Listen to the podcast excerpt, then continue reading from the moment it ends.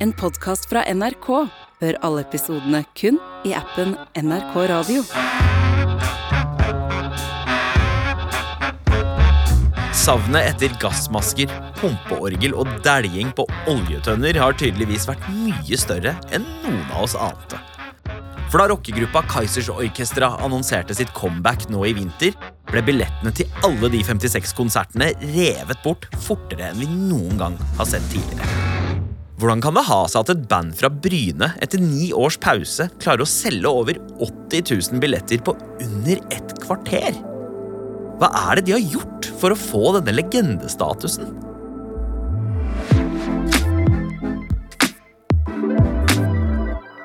Velkommen til Musikkrommet. Jeg heter Sandeep Singh. Vi har hatt ganske mye rom for litt sånn hårete ideer og mål. Det vanskeligste er å tenke det, og komme på det og drømme det. Å gjennomføre det er ikke det vanskeligste. Kaizers Orkestra har siden starten vært utrolig flinke til å gjøre stas på fansen sin. Ved å utfordre oss med alle påfunnene sine. eh, Alt fra hinting og nærmest små mysterier som skal løses. Markus Hamletsen er journalist i DT, var med å starte Musikkrommet og er en del av andrebølgen av Kaizers fans. Jeg oppdaga jo Kaizers eh, ganske seint inn i karrieren deres, men eh, til gjengjeld så ble jeg utrolig fascinert av det universet de har klart å bygge opp rundt musikken sin. Jeg blei rett og slett eh, helt oppslukt av det. Ja, for Kaizers har jo alltid vært ganske bevisste i sitt uttrykk og hvordan de fremstår, men det at de nå selger 80 000 billetter på så kort tid, under et kvarter, det er jo utrolig imponerende for et band som har ligget i dvale i nesten ti år. Men det er jo ikke et hvilket som helst band som får til det her heller. Det er jo et av Norges største. Og det gjør meg nysgjerrig på hva slags eh, krefter som ligger bak, og hvordan de har gått fram for å planlegge og promotere dette comebacket. For å bli litt klokere på nettopp dette, altså hvordan Kaizers har jobbet målbevisst med å fronte seg selv, er det nok smart å gjøre en liten tidsreise tilbake til Bergen på slutten av 1990-tallet. Vi er i november 1998. Barndomsvennene fra Jæren, Jan Ove og Geir står på scenen på Kvarteret i Bergen og skal spille sin aller første releasekonsert med bandet sitt Gnom. Jeg går forbi en fontene av en mann som står og pisser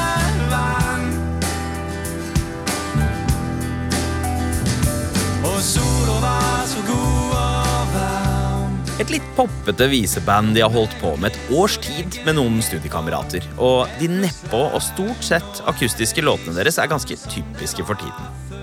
Men mottakelsen fra publikum er laber. Faktisk så har folk så lite tro på dem at eh, en fra musikkmiljøet i Bergen gir de et velmenende og ærlig råd etter en konsert. Han mente at Gnom var egentlig ganske uinteressant med sin sånn der eh, gjennomsnittlig visepop på norsk. Så det var jo ikke særlig unikt. Unntatt det siste der. Det var, det var kanskje Gjør mer av det, liksom. Det er kimen til noe som kan Hadde dere bare hatt låter som var i den gata, så, snakk, så, så snakker vi. For på konserten har de spilt en helt ny låt som ikke er med på den første utgivelsen deres. Jeg har sagt det før, nå må jeg si det igjen. Jeg har ni, jeg har ni liv, og bare Den litt sjøsyke Tom Waits-inspirerte låta 'Bastard' vekker entusiasmen i publikum ingen av de andre låtene deres har klart. Det var jo da folk eh, sperra øynene opp og, og syntes at det, det der var jo fett. Og noe av det som åpner øya og øra til publikum på låta, er det spesielle instrumentet som får en egen solo midt i låta, nemlig oljefat og slegger.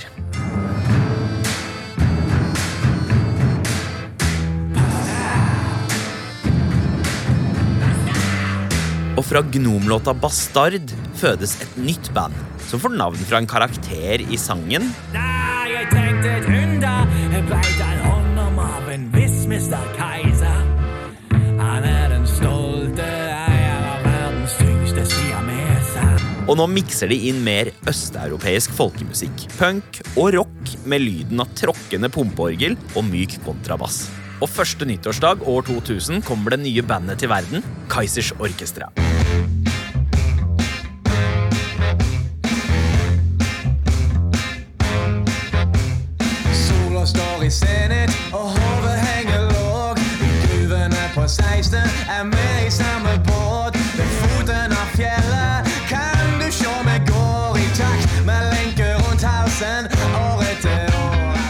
Går all in for å bli et band publikum aldri har sett eller hørt maken til. Oljetønnene og bilfelger med brekkjern og slegger som slagverk blir fast inventar, men også rare greier som et pumpeorgel med et bilde av den tyske teologen Martin Luther på, og ikke minst skumle gassmasker fra 1939, som etter hvert blir organist Helge sitt signaturantrekk. Og hele bandets uniform blir mørke dresser. På scenen og i intervjuer. altså Du ser dem aldri i jeans og strikkegenser når de er Kaizers. I tillegg får de alle kallenavn som Hellraiser, Omen, Killmaster og Thunder. Ivan la på sprang, men kom aldri tilbake. Mange før han har prøvd å ta Henry av dage. Og Og publikums guide gjennom dette helt unike musikalske universet er den karismatiske frontfiguren og vokalisten Jan Ove. Eller The Jackal, som han kalles i Kaizers-universet. Og denne sjakalen synger linjer på kav brynedialekt i et ekstremt rikt tekstunivers som handler om folk som er påvirka av krigssituasjoner. Denne kombinasjonen av nærmest teatralsk sceneshow og musikk som både fenger og drar oss inn i en historie, er med på å gi dem en kultbandstatus for en liten, men voksende fanskare. Høsten 2001 spiller de i Oslo for en håndfull publikummere rett før de skal gi ut debutplata si. Men når albumet Ompa til du dør kommer i september 2001, tar det fullstendig av.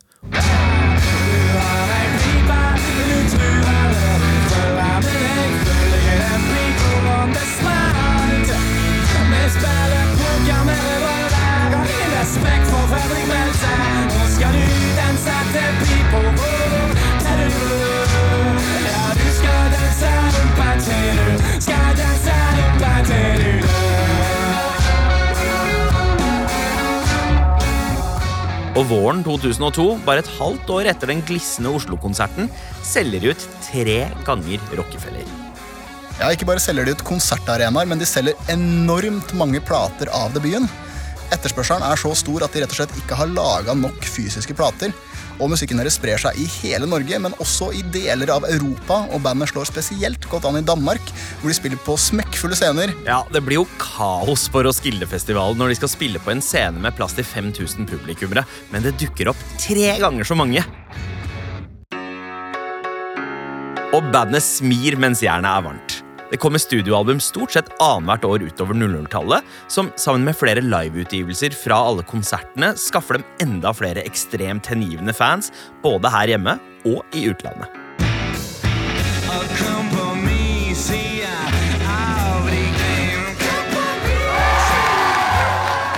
Do you like Kaiser's Orchestra?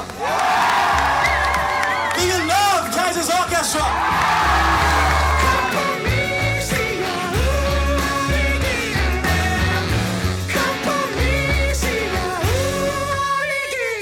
Bandet er utrolig produktive. Kaizers har faktisk ferdigstilt låtene og musikken lenge før den skal gis ut, og det er jo litt utypisk i den rastløse platebransjen.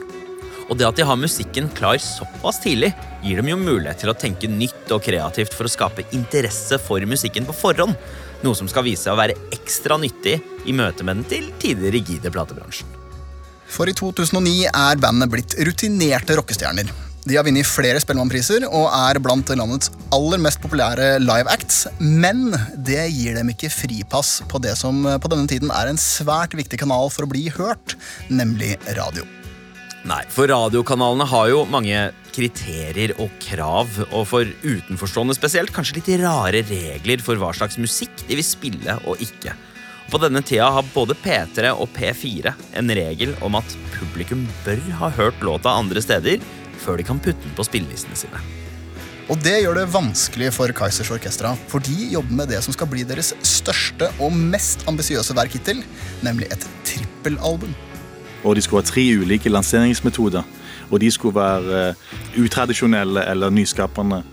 Og Kaizers føler de må sette i gang med å pushe det de mener er den absolutt største hiten, men da må de komme seg rundt radioreglene. Og det er her de sammen med et par kreative hoder kommer på en snedig plan. Vi ville, sånn som vi alltid har likt, å involvere fansen og på en måte bjude på. At de skal få lyst til å bry seg til å bli med. på en måte. At det det er et eller annet gøy in it eh, for, for fansen. Og del én av den store lanseringsplanen kommer desember 2009. For på Urørt på P3 er det mange usigna talenter som legger ut demoene sine. Og Kaizers slår seg sammen med Urørt og lager en konkurranse for nettopp disse talentene. Invitere folk og artister og fans og hvem som helst til å covre vår nye sang, 'Hjerteknuser', som ennå ikke er, er, er sluppet, sånn at ingen vet hvordan den høres ut. Men, men, men, men her er notene. Så vi, vi ga ut notene, og her er da melodien, akkordene, og her er teksten. Vær så god. Nå kan eh, hvem som helst egentlig spille vår nye låt uten at ingen vet hvordan vi har gjort den. Men nå kan du gjøre den sånn som du vil gjøre den. Alle de uetablerte musikerne i Urørt-universet får muligheten til å covre en helt ny Kaizers-låt, hvor premien er å spille med dem live på P3. I tillegg til det får de en utgivelse av coverversjonen og billetter til en fremtidig Kaizers-konsert. Teasinga der som involverte at fansen bryr seg, setter seg inn i musikken. De, med, de blir kreative rett og slett og, og bidrar tilbake med sine forslag i alle slags kategorier, bare for, bare for gøy. Over 100 bidrag kommer inn, og Hjerteknuser blir spilt i alle mulige forskjellige variasjoner i 2010. Før Jan Ove og Geir selv er med på å kåre vinneren live i radioprogrammet Popsalongen på NRK i slutten av oktober. Vinneren er Moi! Du og meg hvis du tør, spør han. Jeg pleier å sette på ei plate som du får meg sang. Artisten Moi sin vinnerversjon blir kjempepopulær og spilles flere steder. Men de andre versjonene blir også spilt mye, særlig artisten Rolfa får utrolig mye elsk for sin versjon. Og den sprer seg kanskje enda mer enn vinneren. På min finger har ringen din, og på ringen står det blant at du er min hjerteknuser. Jeg lurer på om du fins der ute nå. Og dagen etter kåringen av vinneren kommer Kaizers Orkestra selv med fasiten på låta 'Hjerteknuser'. Jeg pleier å sette på ei plate som du får meg sang, helt til jeg sovner i ditt fang. Før så jeg ingenting, og det jeg så forsvant. Men nå ser jeg alt det som du ser. På min finger jeg ringen din, på ringen står det blankt at du er min hjerteknuser.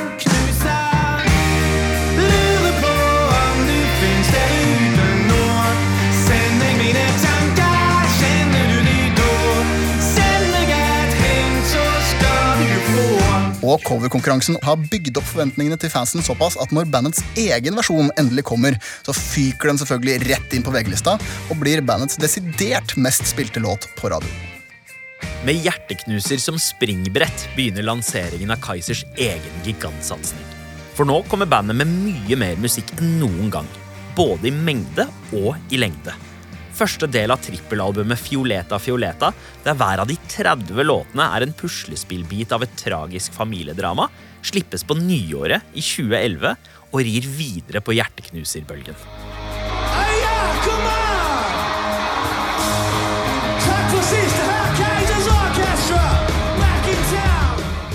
Fioleta Fioleta volum 2 urfremføres i sin helhet på Øyafestivalen. Tre måneder før den slippes i november samme år. Men når den tredje delen skal slippes, må de igjen tenke ut noe lurt. Ja, for på Fioletta Fioletta volum 3 er de aller fleste låtene storslåtte med symfoniorkester.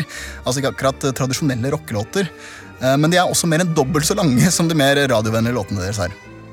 Men Kaizers har igjen lagt en lur plan sammen med de kreative reklamefolkene for å spre musikken sin på en ny og banebrytende måte.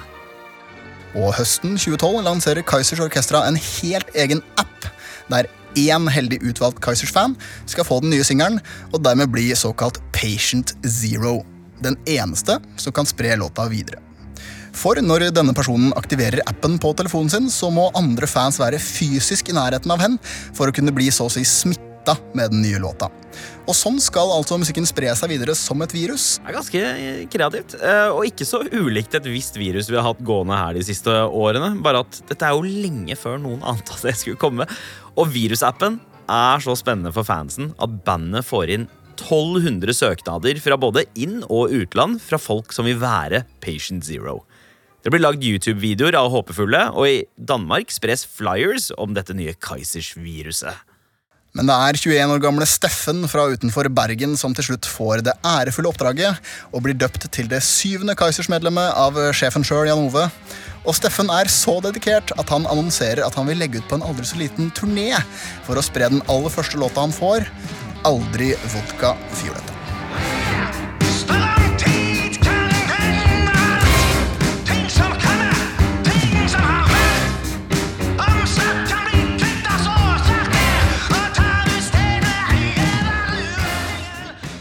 Og bare én måned etter at Patient Zero ble infisert, kan Adresseavisa melde at 50 000 brukere har lasta ned appen, og man har registrert 130 000 tilfeller av smitte av de ulike låtene og videoene i tjenesten.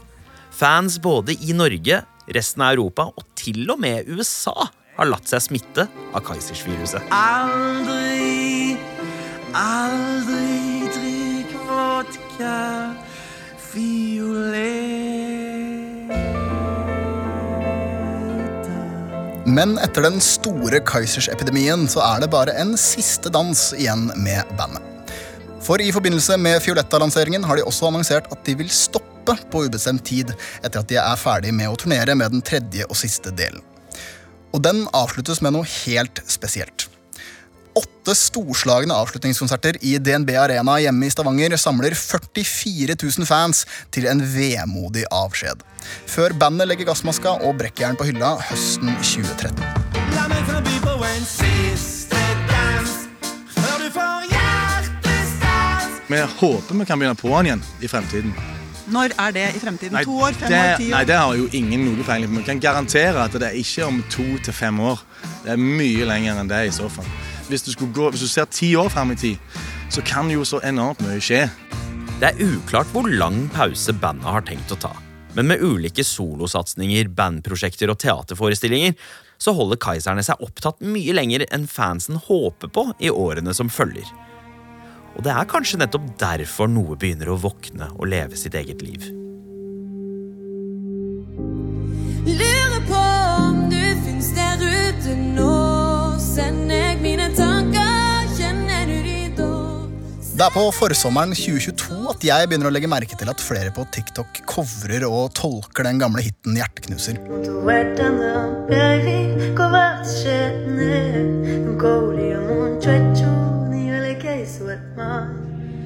min hjerteknuser. Jeg kan ikke så mye om TikTok, så jeg, jeg, jeg måtte få litt forklart at nå, nå går rett og slett hjerteknuser litt sånn viralt. Det tar fyr, liksom, og, og blir voldsomt fort spredd. Og Der forsto jeg at uh, nå skjer det noe sånt med hjerteknuser inne på denne her TikTok, hvor jeg jo egentlig ikke driver og, og snuser rundt så mye sjøl. Og på høsten blir det klart at Kaizers er i ferd med å suse oppover hitlistene med sin nå tolv år gamle låt. Både på Spotify-listene og på VG-lista. På sistnevnte gjør den det til og med bedre enn det den gjorde den første gangen. Ja, for I 2010 kom den jo bare til en niendeplass, mens nå i 2022 så troner den opp på en andreplass. Og ikke bare det, den ene coveren fra Urørt-konkurransen er hakk i hæl på lista. Kaizers er tilbake på listene og i bevisstheten til folk, tilsynelatende uten at de selv har hatt noe som helst med dette å gjøre. Men noe er på ferde. For samtidig som dette skjer, så begynner det å dukke opp mystiske klistremerker på toalettlokk på musikkscener og på lyktestolper i de fire største byene i landet med det kryptiske budskapet 'Dine gamle dager er nå'. Nesten litt nifst. Og samtidig så skjer det noe som ikke har noe med de mystiske klistremerkene å gjøre. Tilsynelatende. Ja, for I slutten av oktober så kommer det endelig en nyhet fra Kaisersleiren for første gang på evigheter. Ifølge bandet har de i arbeidet med å flytte lageret sitt fra Oslo til Stavanger nemlig oppdaga ti uåpna kasser med ti år gammel merch, nærmere bestemt band-T-skjorter, og nå ønsker de å donere dem til Fretex. Og disse T-skjortene blir distribuert videre for salg i Fretex-butikker i nettopp Oslo, Bergen, Trondheim og Stavanger. Landets fire største byer. Og akkurat de samme byene der klistremerkene dukket opp. Eh, muffens? Kanskje, kanskje ikke. Det blir i hvert fall en rykteflom uten like blant fans etter at eh, T-skjortene har blitt revet vekk fra Fretex-butikkene. For på innsiden av T-skjorta finner de nybakte eierne en QR-kode trykt rett på stoffet. Og når de skanner den, så kommer det en mystisk nettside der det står 'Du er en av 107'. Drøm hardt, vent på svar. Wow, snakk om å føle seg som the chosen one. Og bare vent, for det blir bedre. For samtidig som folk oppdager QR-kodene i de gamle band-T-skjortene, så er det noen få utvalgte som opplever noe enda mer crazy. Altså Her snakker vi ukjent mann leverer pakke på døra di, type crazy, uten å si hvem det er fra. Altså, Anonym gave på døra. Jeg, jeg plukker ikke opp telefonen om jeg ikke har lagra nummer engang, så jeg hadde ikke åpna den.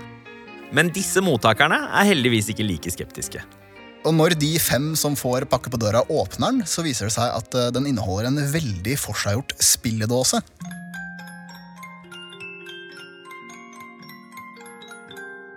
Og med den følger også et kort med teksten 'Dine gamle dager er nå'. Og en QR-kode som uh, fører til samme nettside som den på T-skjortene. Og den melodien spilledåsa spiller, samme som på nettsida. The plot thickens.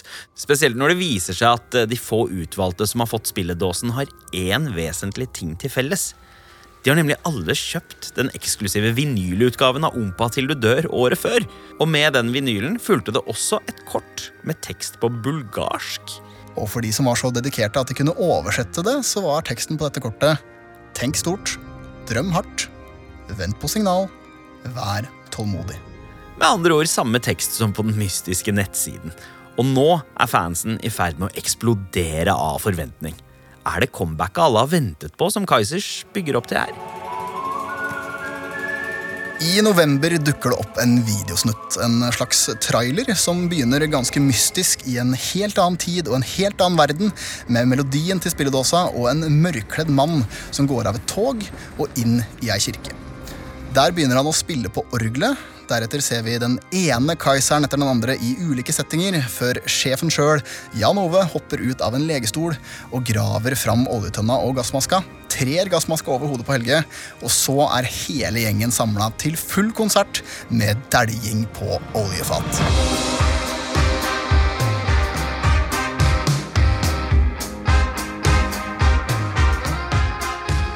Kaizers Orkestra er tilbake, og de skal spille konserter i landets fire største byer. Oslo, Bergen, Trondheim og selvfølgelig Stavanger høsten 2023. Billettene blir lagt ut kort tid etter, og bandet må sette opp flere ekstrakonserter fordi salget går helt spinnvilt bra. Og de billettene forsvinner også lynraskt. Til sammen 56 konserter på de fire byene, og over 80 000 billetter ble revet bort og utsolgt på så kort tid som det teknisk er mulig å få solgt dem. Det tok bare 14 minutter. Og Hadde systemet vært enda kjappere, så kunne det ha gått enda kortere tid. I tillegg til et eventyrlig billettsalg til comeback-konsertene har bandet også satt ny rekord på et annet område i høst. Bandets nye Best of-skive er i ferd med å bli den aller største vinylsuksessen til et norsk band noensinne. De nærmer seg 10 000 solgte etter kun kort tid, og platene er trykket opp på landets eneste vinyltrykkeri, som sjefen sjøl, Jan Ove, er deleier i og har brukt tid på i pausen til Kaizers. Så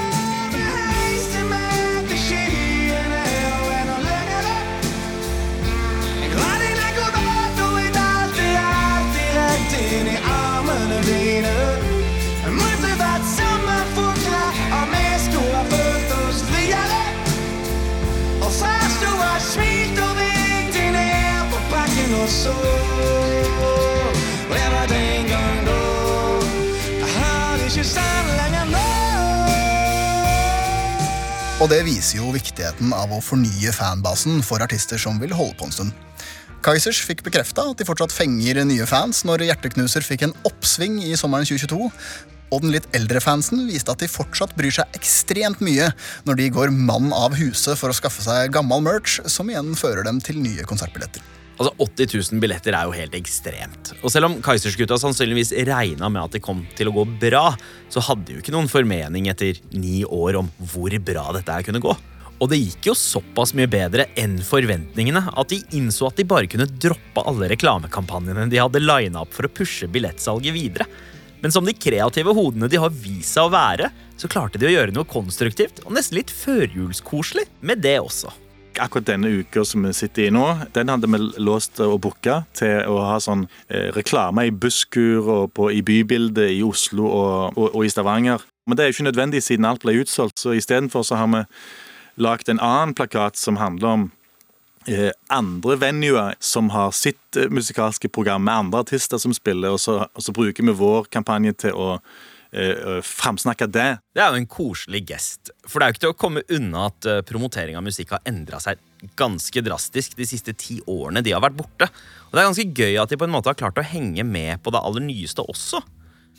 Nei, jeg tenker jo at eh, TikTok-suksessen eh, i august må ha dempa nervene litt. Eh, litt sånn huh, Vi er fortsatt i stand til å appellere til nye fans, liksom. Men med tanke på hvordan de har brukt teknologi på ganske kløktig vis tidligere, så er det ikke helt usannsynlig at de hadde en finger med i spillet på dette TikTok-viruset også. Nei, men Samtidig så er jo de intrikate planene deres ganske avhengig av veldig mange tilfeldigheter. da. Det at eh, folk finner bortgjemte QR-koder på innsiden av klær og sjekker ut hva det leder til, og begynner å legge to og to sammen til fire, det er jo ikke gitt at fansen gjør det bandet har tenkt at de skal gjøre. Så det må jo ha vært litt spenning for den gjengen der. Men i etterkant av konsertslippet så har det jo kommet fram at bandet booka alle datoene for tre år sia, etter at trommisen deres skal ha ytra at han ønsket å spille live igjen på det årlige julebordet deres. Og det viser seg jo å være en god idé, for det er mange som har savna dem. Men hvordan treffer de egentlig så mange folk? Jeg har sett dem i Amsterdam, sett dem i Wien, sett dem i Norge. Sikkert 50 ganger, tror jeg. Sett dem 18 ganger før, tror jeg. Ja. De leverer alltid. Du er alltid sikker på at de kommer til å spille veldig bra. Dette er min konsert nummer 99 med Kaizers Orkestra.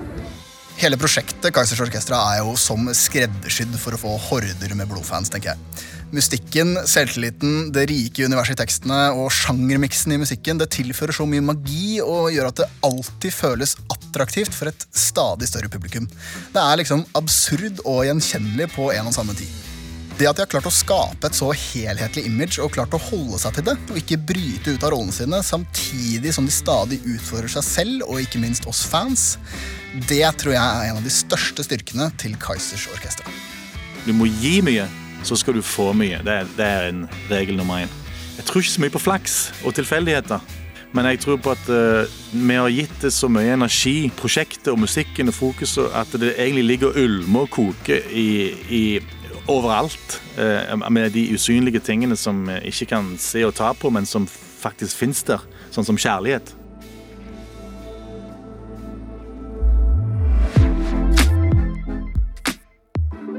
Du har hørt en episode av Musikkrommet. Hvis du likte det du hørte, anbefal oss gjerne til en venn.